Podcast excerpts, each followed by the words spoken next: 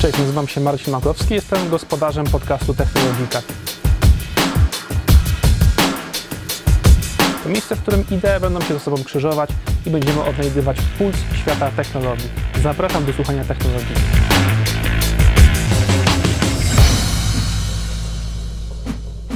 Cześć, witajcie w kolejnym odcinku Technologiki. Dzisiaj moim e, i waszym gościem jest Marcin Sobala, e, senior developer, specjalista w języku Python i, uwaga, ciekawostka również z wykształcenia psycholog, pracownik firmy Vention. Witaj serdecznie Marcinie w naszym podcaście. Cześć, dzięki za zaproszenie. I jesteś tutaj nie bez powodu, bo jako programista ostatnio specjalizujesz się też na temat sztucznej inteligencji w programowaniu. To jest temat gorący podwójnie, bo z jednej strony oczywiście sama przyszłość programowania jest zawsze na językach programistów, hmm. zaskakujące, prawda? Ale w momencie, gdy dokładamy do tej potrawy y, sztucznej inteligencji, ona robi się jeszcze bardziej wyrazista, żeby nie powiedzieć ostra. Więc wiele pytań, wiele lęków. Y, może zacznę od tego najbardziej podstawowego. Kiedy y, składasz wypowiedzenie, bo za ciebie będzie pisał kod chat GPT? Żyję z pisania kodu, więc jest wybitnie nie w moim interesie powiedzieć, że stanie się to w najbliższej przyszłości albo że w ogóle się stanie. Ale tak całkiem szczerze, e, na razie śpię spokojnie to narzędzie, jakim jest sztuczna inteligencja, doskonale wspiera rozwój oprogramowania, przyspiesza pewne procesy. Jest czasem czymś podobnym do Google 2.0, co e, przyspiesza proces przeszukiwania informacji niezbędnych do tego, żeby wytworzyć kawałek kodu, który robi coś, a jednocześnie ChatGPT e, wykazuje jakieś rozumienie tego, o czym z tobą rozmawia, w związku z tym potrafi podać ci nawet niebanalne przykłady zastosowania pewnych technik i robi to szybko. E, szybciej niż Google, gdzie musiałbyś spędzić te dodatkowe parę mhm. minut e, na tym, żeby te przykłady wyszukać, a nie zawsze je znajdziesz.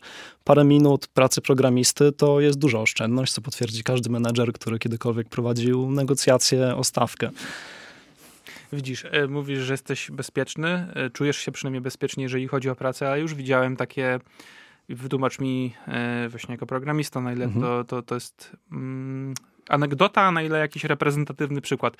Takie historie, w, którym, w których ludzie, którzy znają tylko podstawy programowania, wygenerowali jakiś fragment kodu, który niezależne firmy outsourcingowe wyceniały na przykład na kilkanaście tysięcy złotych, tak? I mhm. dwa dni roboty. No tam wszedł jakiś dziennikarz, wygenerował taki fragment, może on nie był doskonały, ale udało mu się oszczędzić albo zarobić, z jakiej strony patrzeć, te kilkanaście tysięcy. Czy to jest anegdota właśnie, czy faktycznie to już są takie czasy, gdzie y, ludzie, którzy znają tylko podstawy języka, takiego jak na przykład Python, będą mogli robić takie numery? A ta anegdota może być prawdą, to zależy od tego, co robił ten konkretny kawałek kodu i czego potrzebował klient.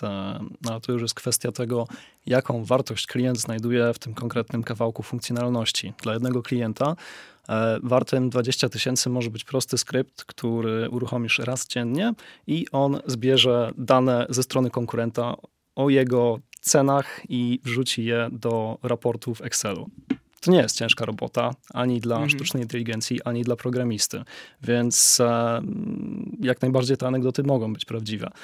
Natomiast dziennikarz, który to wygenerował, e, gdyby zechciał sprzedać ten produkt, no, wziąłby za niego odpowiedzialność, czyli nie tylko. Za ewentualny błąd, który mógł przeoczyć, prawda? Dokładnie tak. A patrząc na ten kod, który został wygenerowany, no nawet jeśli odpali go raz i on zadziała, no to ciężko jest to nazwać solidnym testem, który gwarantuje jakość tego kodu. A co, kiedy będzie trzeba wprowadzić jakieś zmiany, poprawić błędy, utrzymać ten kod. Tutaj robi się taki rozdźwięk między tym, jak ten kod powstał, co powstało, co było wygenerowane przez sztuczną inteligencję, a co programista zrozumiał, że stworzył. Jest to jedno z zagrożeń związane z generowaniem sobie kodu. Zagrożenie jest takie, że będziemy mniej go rozumieć. Niedoświadczeni programiści będą mniej go rozumieć, co może się przełożyć na potencjalnie wyższe koszta utrzymania i naprawy tego kodu. No tak, był taki przykład ostatnio, gdzie prawnik do jednej z rozpraw poprosił o dostarczenie przykładów wyroków w Sądzie Najwyższym w Stanach Zjednoczonych i oczywiście dostał te przykłady. E, nawet zapytał, czy na pewno one są zgodne z faktami, ze stanem faktycznym. Chat GPT potwierdził, że tak, tak, jak najbardziej to sprawdzone. Się okazało, e, że zbyt idealne były te przykłady do, e, te kazusy tak naprawdę, bo tak działa to prawo anglosaskie, do, do tej rozprawy. Sędzia się tym zainteresował i prawnik w ogóle zaprzepaścił sobie całą karierę, no bo niby się znał, niby sprawdził, a okazało się, że te błędy mogą być bardziej subtelne. Mogą być po prostu, jak to się mówi popularnie, e, halucynowane. Mhm. Ciekawe, czy na przykład znasz takie przy, po, przykłady, gdy ktoś próbował wygenerować jakiś kod i nawet się znał, ale dostał coś, co wyglądało zbyt idealnie, potem okazało się w praktyce, że na przykład nie działa. Czy miałeś jakieś takie przypadki, albo słyszałeś o nich, żeby te wygenerowane porcje kodu wyrządziły jakąś szkodę komuś? E, nie znam takich przypadków, kiedy powstała realna szkoda. Znam natomiast te przykłady, które generowałem sam z użyciem ChatGPT, mhm. bo byłem żywo zainteresowany tym, jakie są jego ograniczenia. No i jakie są? A, jakie są ograniczenia? Chciałem, żeby wygenerował mi relatywnie prosty kawałek kodu, który wyśle zapytanie sieciowe do jednej strony 100 razy asynchronicznie, czyli jakby jest to 100 zapytań sieciowych do strony naraz, ale istotne było, żeby zrobił ograniczenie. Maks 10 zapytań sieciowych na sekundę. W przeciwnym wypadku, gdy strona dostanie 100 ataków DDoS naraz, zrobisz. zrobię atak DDoS. I ChatGPT konsekwentnie nie radził sobie z tym przykładem, ale także konsekwentnie twierdził, że napisał to dobrze. No, okay. I mniej doświadczony, chociażby w programowaniu asynchronicznym programista, gdyby taki kod puścił, no to w najbezpieczniejszym przypadku dostałby bana ze swojego IP a w mniej bezpiecznym przeprowadziłby atak DDoS na jakiejś stronie. E, żeby czat GPT zrozumiał swój błąd, musiałem z nim przeprowadzić długą, e, półgodzinną rozmowę, podsuwając mu e, konkretne kawałki kodu, które musi uruchomić i wstawić w swój przykład, żeby to zadziałało. W końcu jakoś to tam zmęczył. Czy wziąłeś na, na kozetkę, zrobiłeś mi psychoanalizę i stwierdził, kurczę, nie wiedziałem, no faktycznie. Gdzie to się zaczęło? W dzieciństwie? Od rodziców? Od pierwszych moich programistów? No powiedzmy, to jest to według mnie jedno z największych zagrożeń związanym z chat GPT, to, że jest nazbyt optymistyczny i brzmi e, zbyt pewnie siebie. Ma duży potencjał do generowania rozsądnie brzmiących rozwiązań, które nie opierają się testom rzeczywistości.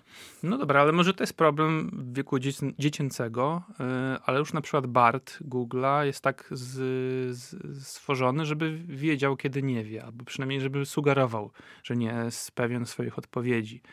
E, żeby nie był właśnie narzędziem OpenAI, które zawsze ma rację, nawet jak nie ma racji, to może to jest po prostu tylko jakieś, wiesz, aksjomaty, które się wrzuca i, i no, jeżeli nie będzie umiał skompilować, to powie, no tutaj jest jakieś ograniczenie i poddaje się.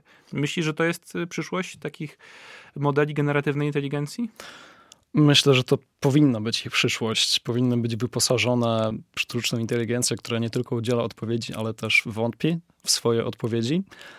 Bo w chwili obecnej wygląda to tak, że jeśli odpowiednio zadasz pytanie, no to wygenerujesz jakąś wątpliwość e, u czata GPT i jest on na tyle na to wrażliwy, że jest się w stanie wycofać po jednym pytaniu ze swojej odpowiedzi, nawet jeśli nie ma racji w swoim wycofaniu, a potem wycofać się ze swojego wycofania się ze swojej odpowiedzi, jeśli poddasz wątpliwość to jego wycofującą odpowiedź.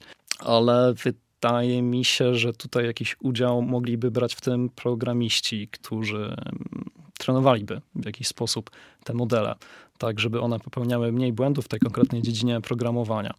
Słyszałem taką plotkę, mhm. od team leadera ze swojej poprzedniej pracy, że Microsoft zainwestował naprawdę grubie pieniądze w to, żeby właśnie kolejny model ChatGPT e, nauczyć lepiej programować z pomocą 3000 programistów, którzy zapewne będą torturować go bezustannie, żeby jego odpowiedzi nie były naiwne, głupie i szkodliwe w kwestii pisania kodu.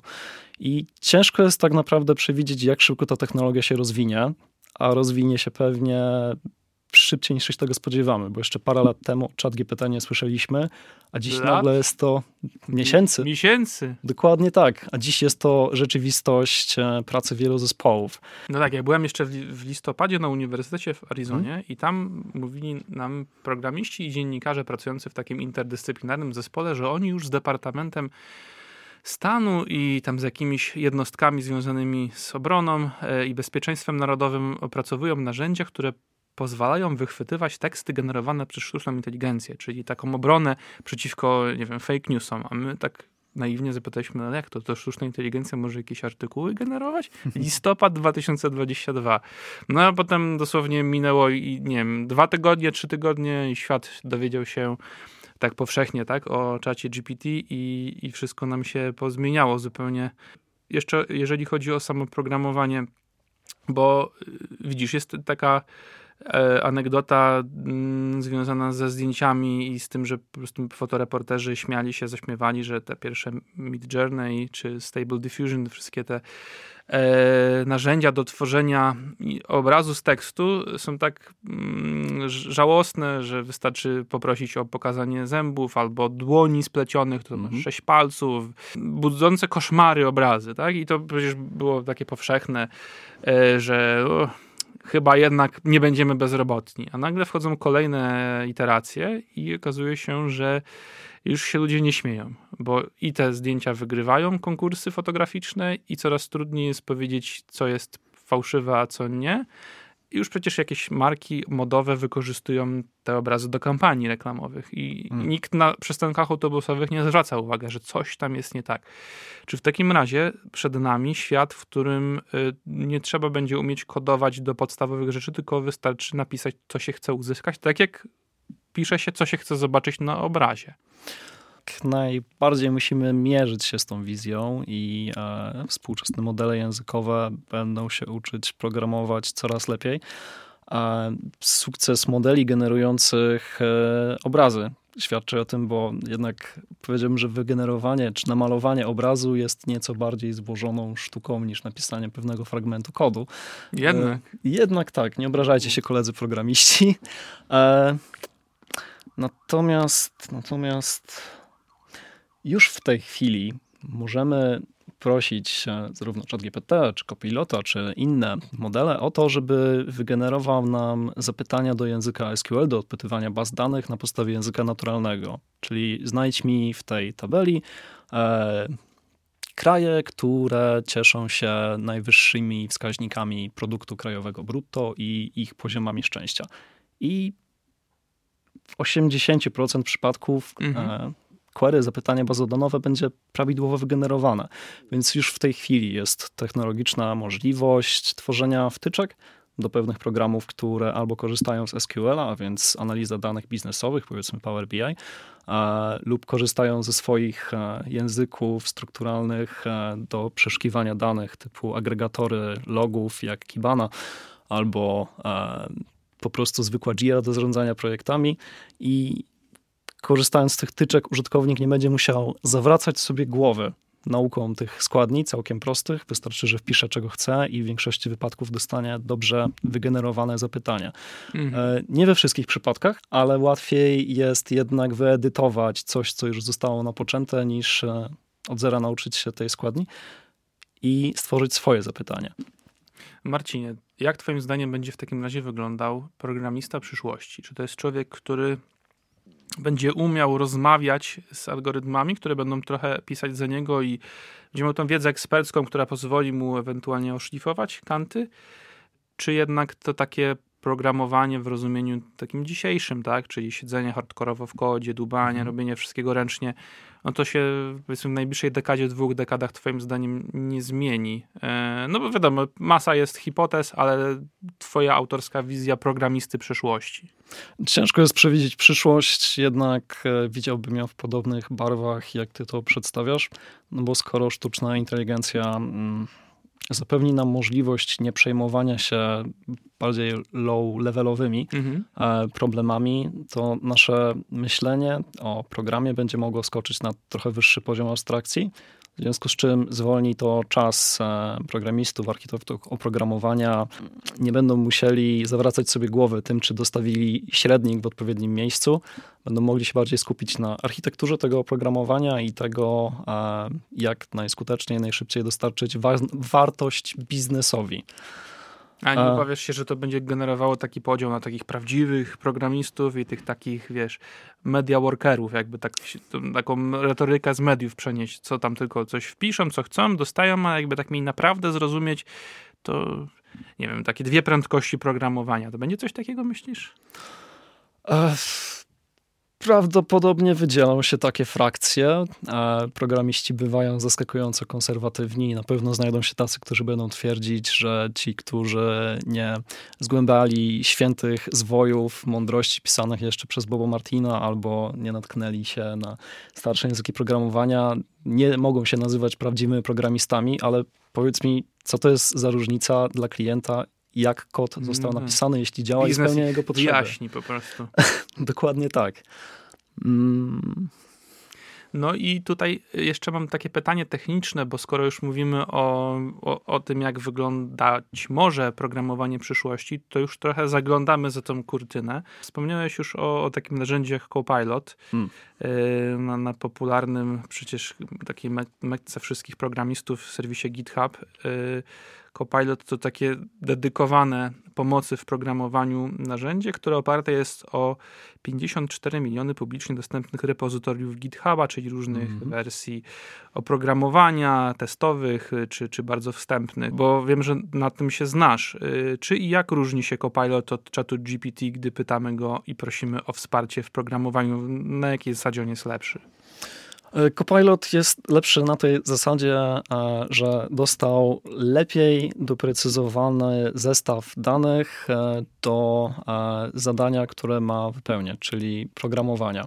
Chat GPT, no z nim porozmawiasz o wszystkim. Jeśli zapytam Copilota, poproszę o napisanie artykułu o Bałkanach, no to raczej sobie nie poradzi. E, okay. Jego możliwości konwersacyjne są też mocno ograniczone. E, lepiej sobie radzi z tym, gdy widzi fragment kodu lub gdy otrzyma nazwę funkcji lub gdy nawet klikniesz w jakimś e, fragmencie edytora kodu i on wtedy dopasuje resztę, zaproponuje pewne rozwiązania do tego, co już tam ma. Copilot się rozwija i obecnie ma wersję beta, która się nazywa Copilot X, która również ma możliwości czatowania wzorem mhm. ChatGPT. Na razie nie jest to imponujące i moim skromnym, osobistym zdaniem czatuje gorzej niż ChatGPT, choć e, kod wciąż pisze trochę lepszy. Natomiast on, on się poprawi. E, więc Copilot jest konkretnym, dedykowanym wsparciem dla programistów, które jest e, zintegrowane doskonale z edytorami kodu więc nie ma tego momentu straty, tego pół, pół minuty, które musisz spędzić na wyjściu z edytora i wejściu w przeglądarkę albo w ten plugin, e, chociażby, który umożliwia ci odpytanie API ChatGPT. Model kopilota odpala się błyskawicznie i lokalnie na mhm. twoim mm. komputerze, na laptopie roboczym i podaje te sugestie naprawdę, naprawdę szybko. Pewnie pamiętasz, jak to wygląda, jak e, pytasz o cokolwiek chat GPT, no to jeśli akurat mają nie, nieduże obłożenie serwerów, no to widzisz, tak on dosłownie wklepuje ci te dane. Tak. Dokładnie. Pilot myśli chwilę i Rzuca sekundę cały. później masz już dość spory kawałek kodu. Ciekawe, e, a jak komu byś polecił stosowanie tego w praktyce? Jak, jakiej kategorii programistów, z jakich języków, e, jak praktycznie wykorzystać to narzędzie?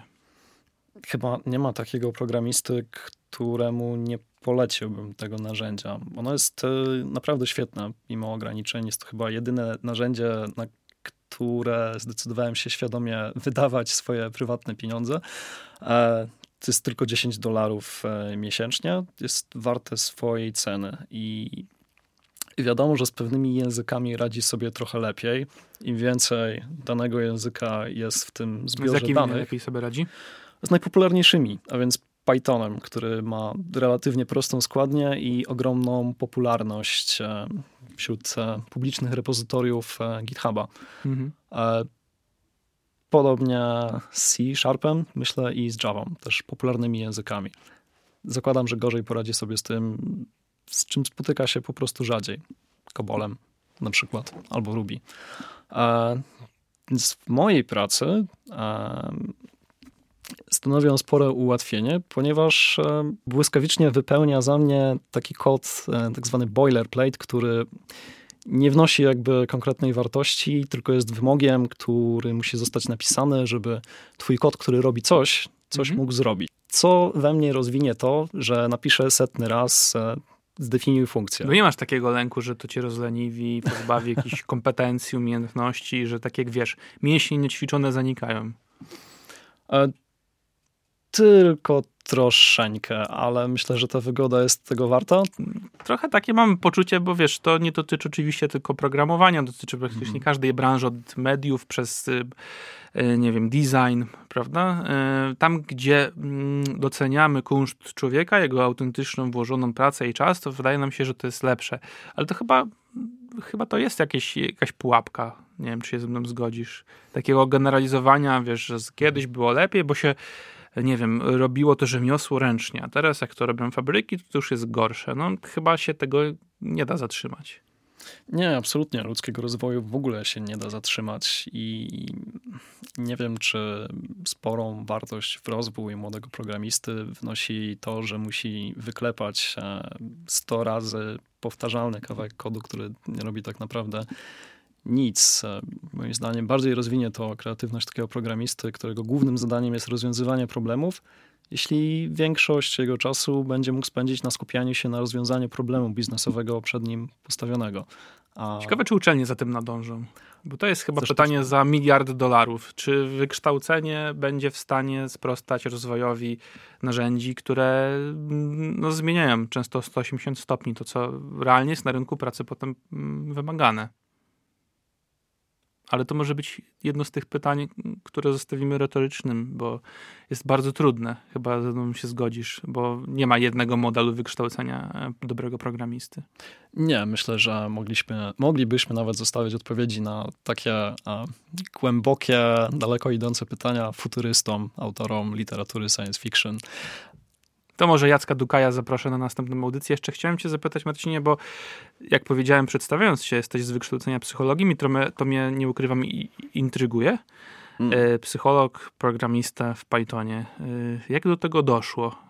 Jak do tego doszło? Otóż po e, pięciu latach poznawania tajników tego, jak działają ludzie, stwierdziłem, że nie lubię ludzi, wolę komputery.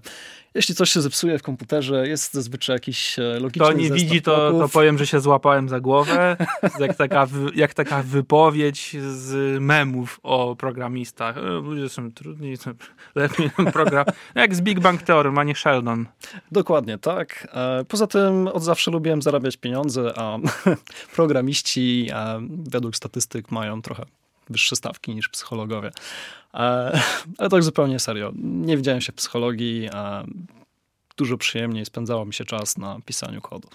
Oczywiście im wyżej zachodzisz w hierarchii programowania, tym nagle się okazuje, że piszesz mniej kodu i, i więcej musisz Więcej musisz z tymi ludźmi, Holender. No. Dokładnie tak. A zwłaszcza jak jesteś menadżerem, to już w ogóle. Albo team leadem. Albo no tak. I co, jednak, y, wiesz, jesteś jak ten wąż Uroboros, gonisz za własnym ogonem. Trochę tak. I w tym momencie, w którym właśnie przechodzimy z pracy nad kodem i do pracy z człowiekiem, to wykształcenie trochę się przydaje. A wiedza o tym, jak człowiek myśli, jak sobie radzić z jego lękami, obiekcjami, jak je wydobywać, jak w ogóle przeprowadzić rozmowę na trudne tematy, tak żeby to było w miarę przyjemne dla obu stron i efektywne. Owszem, przydaje się to, e, tylko nie wiem, czy konkretnie w tym zawodzie, czy nie w każdym zawodzie, który wymaga kontaktu z człowiekiem. No brzmisz trochę jak taki uniwersalny żołnierz. Tutaj zachoduje, tutaj z człowiekiem pogada, oswoi. No, całkiem chyba przyjemny zestaw kompetencji. A były jakieś takie sytuacje, w których faktycznie wiedza wyniesiona ze studiów psychologicznych przydała ci się w rozmowie z no, jakimiś innymi programistami, albo być może rozwiązaniu jakiegoś typu problemów, czy natknąłeś się na jakąś ścianę? Miałeś jakieś takie momenty? Gdzie takie eureka się pojawiło? Nie, nie miałem momentów eureka, tak, to jest to, co pamiętam ze studiów e, z psychologii i tak rozwiążemy ten problem w programie lub problem między nami. To jest raczej taki codzienny zestaw kompetencji miękkich, który uprzyjemnia kontakt z klientem i współpracownikami.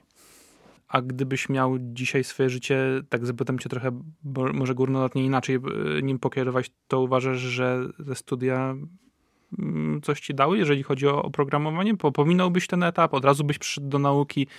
ta droga, którą przeszedłeś, jest w jakimś sensie bardzo intrygująca, tak jak powiedziałem na początku, bo ona pokazuje, że można być też interdyscyplinarnym programistą, a nie tylko takim z klapkami na oczach, co tam nauczył się jednego języka i tylko tym się zajmuje przez całe życie. To czy ta interdyscyplinarność już teraz z perspektywy czasu jest dla ciebie zaletą, czy raczej stratą czasu, bo mogłeś więcej się nauczyć programować? Tak i tak, czyli z jednej strony byłbym technicznie lepszym programistą, mhm. gdybym poświęcił więcej czasu, a więc 5 lat studiów informatycznych, na zgłębianie konkretnych technik, struktur danych, e, nowych technologii. E, bez dwóch zdań. Natomiast ta interdyscyplinarność e, może dawać pewne szersze spojrzenie na problemy, z którymi się mierzysz. No tak, bo za tym bardzo technicznym językiem stoi człowiek z jakąś potrzebą. Dokładnie tak. A czasem, żeby rozwiązać jego problemy w najbardziej optymalny sposób, trzeba mu wręcz powiedzieć, że nie, nie programujmy tego. To ci wszystko popsuje, pomiesza szyki.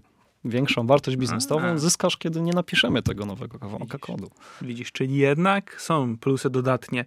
Jeszcze chciałem cię zapytać o ten stereotyp Trochę go potwierdziłeś, ale to rozumiem, że tak bardziej ironicznie, fajnie, to mi się podoba, ale ten stereotyp, wiesz, programisty piwniczniaka tak zwanego. Tutaj oczywiście puszczamy oko, który tam siedzi u rodziców w piwnicy i koduje i światło dzienne to widzi tylko jak musi pójść po, e, nie wiem, puszki z energetykami. A takie memy, każdy wie o co chodzi, tak? E, upraszczamy rzeczywistość. Na ile ten stereotyp z twojego doświadczenia jest prawdziwy i czy programiści to jeszcze nadal jest taka grupa społeczna, która jest inna i wszyscy mogą ich rozpoznać na ulicy, czy to już jest mit? Myślę, że to w dużej części jest mit. Być może jest jakaś korelacja między konkretnymi technologiami programowania i konkretnymi problemami, które to rozwiązuje, które może wpływać na to, że ten tutaj e, pracujący zdalnie dla klientów z drugiego końca świata programista, robiący wyłącznie boty do tradingu, nie będzie wychodził do ludzi, bo nie ma po co. No ale ja osobiście nie spotkałem się z takimi programistami, z którymi ciężko by się rozmawiało, do których trzeba by pukać przez szybę, e, e, bojąc się, że się ich rozproszy, e, którzy byliby jakoś szalenie introwertyczni. Aczkolwiek, co jeszcze pamiętam ze studiów, to owszem, jest taka pewna tendencja, korelacja między introwertycznymi cechami osobowości, a wyborem tego właśnie zawodu, bo jednak jest tutaj dużo więcej siedzenia przy komputerze niż przy człowieku, więc ktoś bardziej ekstrawertyczny i towarzyski może nie czuć się tak świetnie w tym zawodzie. Wychowaliśmy się w kulturze, która na początku geeków uważała za słabszych, mhm. potem symbolicznie trochę w takich różnych produkcjach hollywoodzkich, ale chyba w tym momencie kluczowym, przełomowym serial Big Bang Theory, o którym już wspomniałem, jakiś 2006-2007, uczynił z geeków tych nowych samców alfa, tych, którzy mogą konkurować wiedzą, dostępem do, do, do środków finansowych i, i kultura też zaczęła e, ich wynosić na piedestał. Ale czy nie uważasz, że to jest jednak yy, może trochę naiwne? Może, może ideałem byłoby połączenie ekstrowertyzmu, introwertyzmu. Jak postrzegasz ten, ten problem takiej, wiesz, na początku wypierania kultury geeków, uważanej za coś gorszego, a teraz pokazywania, że to jest super być geekiem i pielęgnować to w sobie. Przede wszystkim trochę presja na takiego geeka. No jednocześnie musi e, według tego archetypu kulturowego, o którym wspomniałeś, e, być zdolnym, e, tworzyć wspaniałą wartość przez programowanie, z drugiej być jeszcze gwiazdą społeczną, no któż temu podoła. Natomiast e, nie wiem, czy będę ci w stanie odpowiedzieć więcej na to pytanie, bo to jest kolejne z serii super trudnych. I na koniec, Marcinie, zapytam cię tak już trochę poważniej. Hmm. Czy uważasz, że ta branża, ten zawód jest w jakiś sensie zaniedbany, jeżeli chodzi o taką codzienną pomoc psychologiczną. Coraz więcej mówi się oczywiście o, o kwestiach obciążenia stresem w pracy, o tym, jak to się długofalowo przekłada na naszą efektywność. No i też ta wrażliwość na przykład na warunki pracy, czy jakiś mobbing, wszystkie te kwestie, które są destrukcyjne dla psychiki człowieka. Czy uważasz, że w wielkich korporacjach, czy w ogóle w branży IT powinien zostać położony większy nacisk na taką opiekę psychologiczną? Hmm.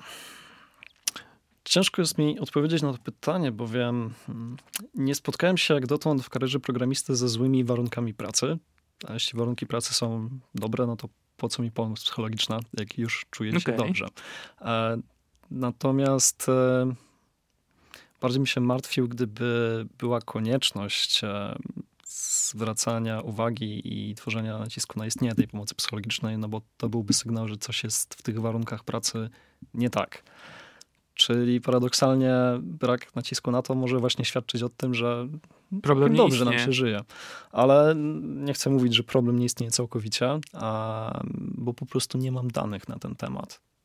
Mm, my w Polsce mamy całkiem niezłe warunki pracy dla programistów, a nie wiem, jak to może wyglądać w innych krajach.